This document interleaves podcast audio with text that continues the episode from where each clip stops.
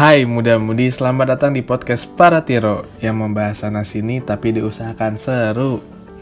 Kembali lagi dengan aku Iqbal Rafsanjani sebagai host. Jadi hari ini aku bakal membahas kampus dan seisi seisinya yang beragam. Penasaran kan? Yuk kita bahas sampai tuntas.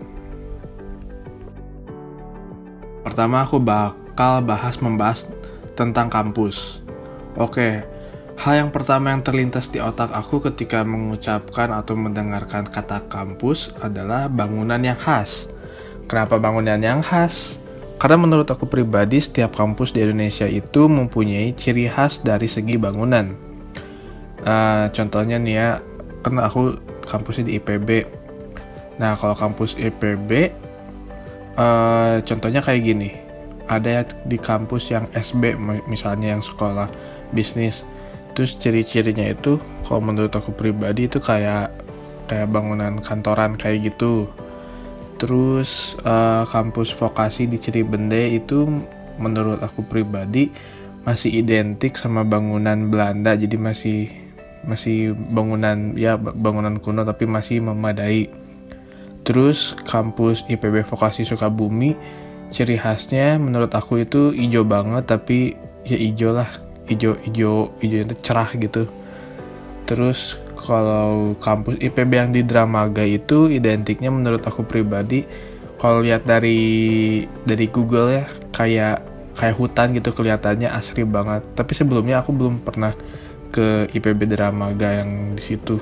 Jadi cuman lihat dari Google itu kayaknya kelihatannya asri aja gitu. Nah lanjut nih. Setelah ngomongin bangunan yang terlintas di dalam otak aku itu adalah mahasiswa atau mahasiswinya nih. Eh, ini kalau ceritain di IPB aja ya. Kalau mahasiswa atau mahasiswi di IPB itu menurut aku pribadi selayaknya mahasiswa sih di mahasiswa di tahun 2021 gak maksudnya random aja gitu kelakuannya terutama uh, di sekolah sekolah vokasi ya kan yang aku rasain di sekolah vokasi doang jadi ada-ada ada-ada aja gitu kelakuannya khususnya ya nih kalau aku yang aku rasain jadi mahasiswa di IPB Vokasi itu adalah adanya batasan berpakaian. Mungkin ini uh, adalah suatu peraturan. Jadi contohnya gini nih jadi buat laki-laki itu kalau di sekolah vokasi harus pakai kemeja tiap tiap Senin sampai Jumat eh tiap Senin sampai ya sampai Jumat Kamisnya pakai prodi kalau nggak salah. Terus lu nggak salah lagi soalnya lupa udah udah nggak pernah pakai baju prodi. Nah terus ke bawahannya itu pakai celana pakai celana kain. Terus ya rapi lah kayak gitu. Terus rambut juga harus rapi nggak boleh nggak boleh gondrong nggak boleh aneh-aneh. Terus apa lagi ya? Nah oh ya buat mahasiswinya itu kurang tahu sih tapi kayak selayaknya. Ya uh, lebih sopan aja gitu pakai kemeja terus kalau misalnya rok paling di bawah di bawah lutut kayak gitulah masih standar kayak gitu.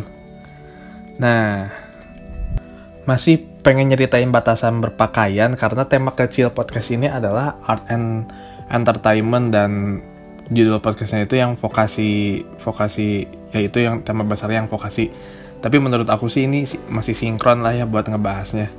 Jadi walaupun ada batasan berpakaian di sekolah vokasi IPB eh, mahasiswa IPB vokasi ini sekolah vokasi ini masih bisa mengakali cara menunjukkan ekspresi dalam berpakaian.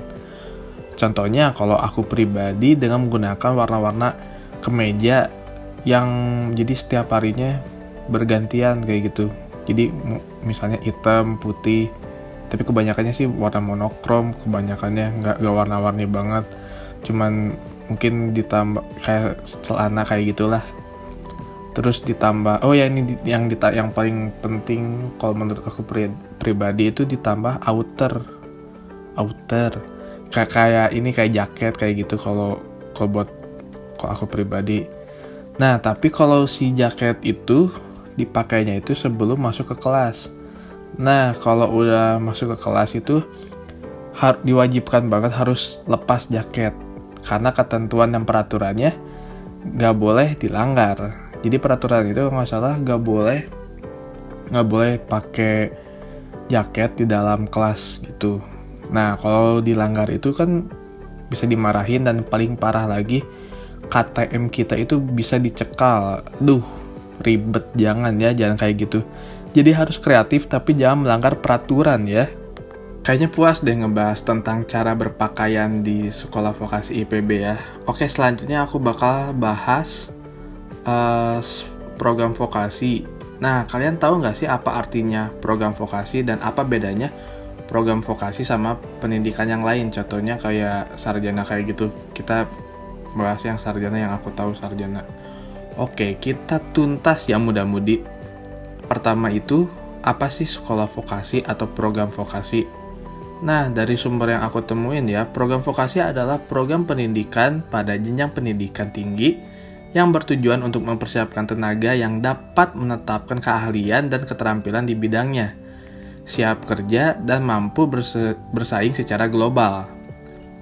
Secara umum, pendidikan vokasi atau program diploma bertujuan menyiapkan peserta didik menjadi anggota masyarakat yang memiliki kemampuan tenaga ahli, memiliki kemampuan tenaga ahli profesional dalam menerapkan, mengembangkan, dan menyebarluaskan teknologi dan kesenian serta mengupayakan penggunaannya untuk meningkatkan taraf kehidupan masyarakat dan memperkaya kebudayaan nasional.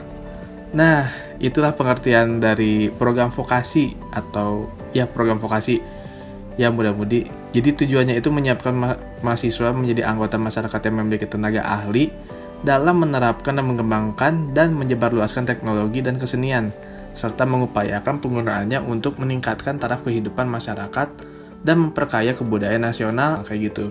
Jadi berat banget ya uh, tujuannya.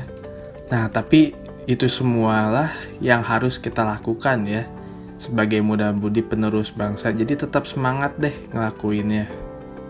Selanjutnya nih, apa bedanya program vokasi sama sarjana? Nah, menurut sumber yang aku temui ya, dari penjelasannya itu program sarjana dan program uh, vokasi itu beda di faktor waktu studi. Nah, kalau di program vokasi itu beragam, ada yang satu tahun, Nah, itu satu tahun itu untuk D1.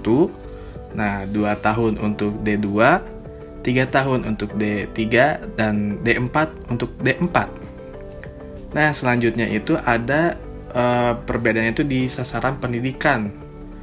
Kalau program vokasi lebih difokuskan untuk mendalami jurusan masing-masing. Jadi ketika kamu lulus, jadi ketika kamu lulus, jadi kamu udah siap deh dan sigap banget untuk menghadapi kerasnya dunia kerja jadi keren dan semangat gitulah jadi nggak ketar ketir gitu. Ya ketar ketir. Lalu nah untuk sarjana ini mengedeba, uh, mengedepankan disiplin ilmu. Nah melalui disiplin ilmu ini ka, kamu bakal memperdalam jurusan yang kamu ambil. Jadi tetap semangat ya buat teman-teman sarjana. Sama beratnya juga sama kayak vokasi berarti. Nah, lalu selanjutnya adalah penerapan kurikulum nih bedanya. Kalau di program vokasi ini, kurikulum yang disampaikan lebih banyak mengedepan, mengedepankan praktik ketimbang teori. Ini berhubungan berhubungan langsung dengan goal atau tujuan dari program vokasi yang menghantarkan mahasiswanya untuk mudah mencari pekerjaan. Kalau program sarjana akan meninjau lebih dalam tentang teori, dengan menerapkan teori secara mendalam di dalam perkuliahan, mahasiswa diharapkan mampu menguasai ilmu-ilmu tersebut dengan baik. Nah, lalu selanjutnya adalah perbedaan gelar yang akan didapat oleh mahasiswa atau mahasiswi setelah lulus. Jadi, salah satu hal yang paling menonjol adalah perbedaannya gelar. Nah, ini terdapat empat gelar yang bisa disematkan di belakang nama lulusan program vokasi ini. Nah, berarti ada empat nih. Gelar tersebut ya antara lain Pratama atau disingkat A titik P untuk lulusan D1. Nah, berarti Pratama untuk lulusan D1 dan ahli muda A titik MA untuk lulusan D2, ahli media A titik MD untuk lulusan D3 Dan sarjana uh, sarjana sains terapan itu singkatannya S ST untuk gelar untuk gelar D4. Nah, kalau kamu lulus dari program sarjana, kamu akan dapat gelar berbeda-beda tergantung dengan jurusan kamu. Jika kamu lulusan sarjana sastra Inggris, maka kamu akan mendapatkan gelar sarjana humaniora di yang disingkatnya S atau sarjana sastra. Contohnya atau sarjana sastra itu S titik S kayak gitu. Lalu selanjutnya adalah uh, perbedaan nih prospek kerja dari program vokasi dan sarjana nih. Jadi kalau lulusan program vokasi akan lebih banyak menghabiskan pekerjaannya dengan menerapkan ilmu praktikum yang sudah didapat sehingga para lulusan vokasi ini sudah dapat sudah maksudnya sudah siap menghadapi uh, dunia kerja. Nah, lain halnya dengan program vokasi, kalau program sarjana itu lebih banyak berpeluang berkarir sebagai konseptor di suatu pekerjaan. Ini sangat berhubungan erat dengan ilmu yang sudah dipelajarinya selama perkuliahan, kayak gitu. Nah, jadi mudah-mudi Itulah perbedaan program vokasi atau program sarjana. Beragam banget ya buat program vokasi ada yang satu tahun, dua tahun, tiga tahun, dan empat tahun.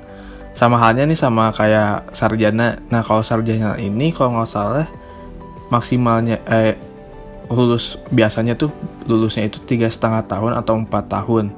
Nah tapi kalau maksimal kalau nggak salah itu tujuh tahun. Kalau lebih dari tujuh tahun kalau nggak salah DO atau kayak gimana gitu kurang tahu paling nanti coba sharing-sharing aja kayak gitu ya. Jadi kalian nih muda-mudi yang masih SMA mau milih program sarjana atau sekolah vokasi eh maksudnya program vokasi nih. Kalau menurut aku sih ya lebih ke program vokasi tapi yang eh, D4 alias yang 4 tahun. Karena menurut aku pribadi kalau yang 4 tahun itu eh, ini menurut aku pribadi ya. Jadi si belajarnya itu masih masih apa ya uh, masih panjang lah pembelajarannya. Dan kayaknya lebih mateng gitu kalau menurut aku. Tapi balik lagi nih ke kebutuhan masing-masing. Sekarang membahas tentang alasan program vokasi itu nggak kalah keren sama program sarjana. Uh, tapi sebaliknya juga sarjana itu nggak kalah keren juga sama vokasi. Nah, kalau dari sudut pandang aku ini, kalau yang di IPB, program vokasi itu mahasiswanya banyak yang berprestasi. Uh, berarti kalau kesimpulannya, berarti sistem pembelajaran di sekolah vokasi atau program vokasi di IPB itu bagus banget. Uh, berarti dari cara dosennya mengajarnya bagus, dan cara komunikasinya antara dosen sama mahasiswanya bagus. Apalagi prodi komunikasi, ih dosennya baik banget Nah, selain pembelajaran yang bagus banget, IPB eh, sekolah vokasi IPB ini uh, dan program vokasi ini maksudnya punya banyak banget uh, kayak kompetisi, bukan kompetisi antar mahasiswa kayak ada acara kompetisi gitu maksudnya di berbagai bidang. Contohnya kayak di bidang hiburan dan kesenian.